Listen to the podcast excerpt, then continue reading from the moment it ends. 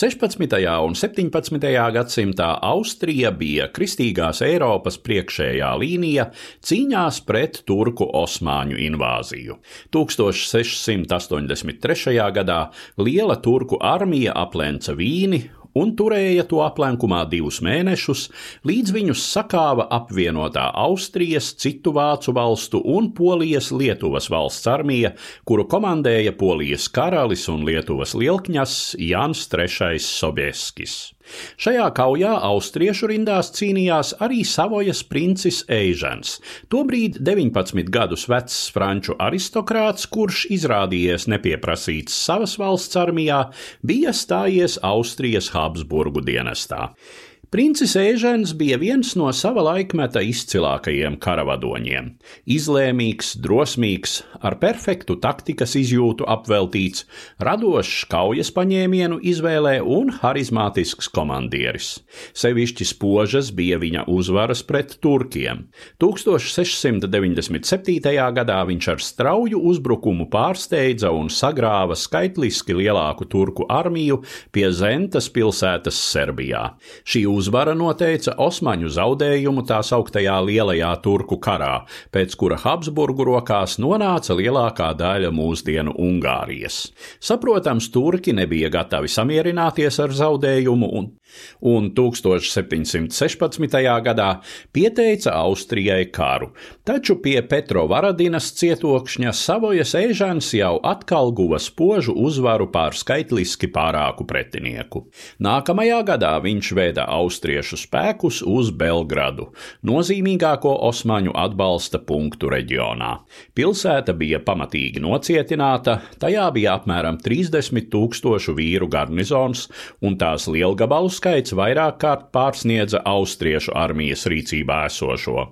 Belgrada atradās Donavas un Savas upju satakā un bija ieņemama tikai no dienvidiem. Jūnija vidū Eižana armija, apmēram 100 tūkstoši vīru, sasniedza pilsētu un sāka aplenkumu, un jau drīz pēc tam pienāca ziņas, ka aplenktajiem palīgā dodas apmēram 180 tūkstošu vīru lieli turku un krimas tatāru spēki lielvezīra Hadži Halila pašā vadībā.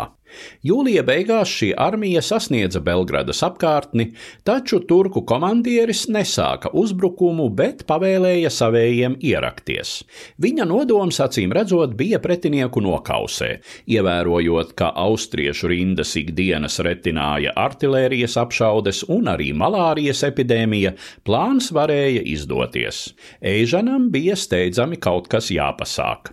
Viņa izšķiršanos pasteidzināja veiksme. 14. augustā austriešu artilērijas lādiņš trāpīja Belgradas munīcijas noliktavā, un milzīga eksplozija mirklī nogalināja 3000 pilsētas aizstāvju. Vai nu Belgrada kritīs, vai arī es kritīšu turku rokās. Tā princis Eižens teicis saviem komandieriem, paziņojot viņiem uzbrukuma plānu. Pusnaktī uz 16. augustu, kad austrieši devās cīņā, kaujas lauku klāja bieza migla. Uzbrucējiem izdevās pārsteigt pretinieku un atsviest to līdz tranšējām. Tomēr, uzlecot saulē, turki atklāja vāju vietu austriešu formējuma centrā un, pateicoties skaitliskajam pārsvaram, iespiedās dziļi starp abiem flangiem. Tas bija brīdis, kad kaujas likteni jau atkal glāba prinča Ēžana izlēmība. Viņš personiski veda uzbrukumā austriešu kavalērijas rezerves, tika ievainots, taču austriešiem izdevās ielausties turku ierakumos. Osmaņu nometnē sākās panika, un Hadži Halils pavēlēja atkāpties. Nākamajā dienā, 1717. gada 17. augustā, pretošanos pārtrauca Belgradas garnizons.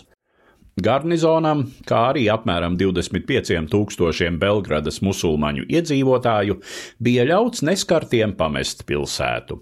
Belgradas aplenkums bija pēdējā reize, kad Savojas princis Ēžens komandēja armiju kaujas laukā. Nākamajā gadā noslēgtais miers atbīdīja Osmaņu robežas vēl tālāk uz dienvidiem.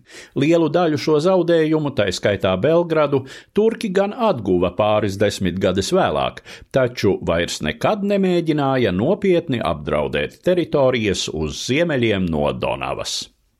Stāstīja Eduards Liniņš.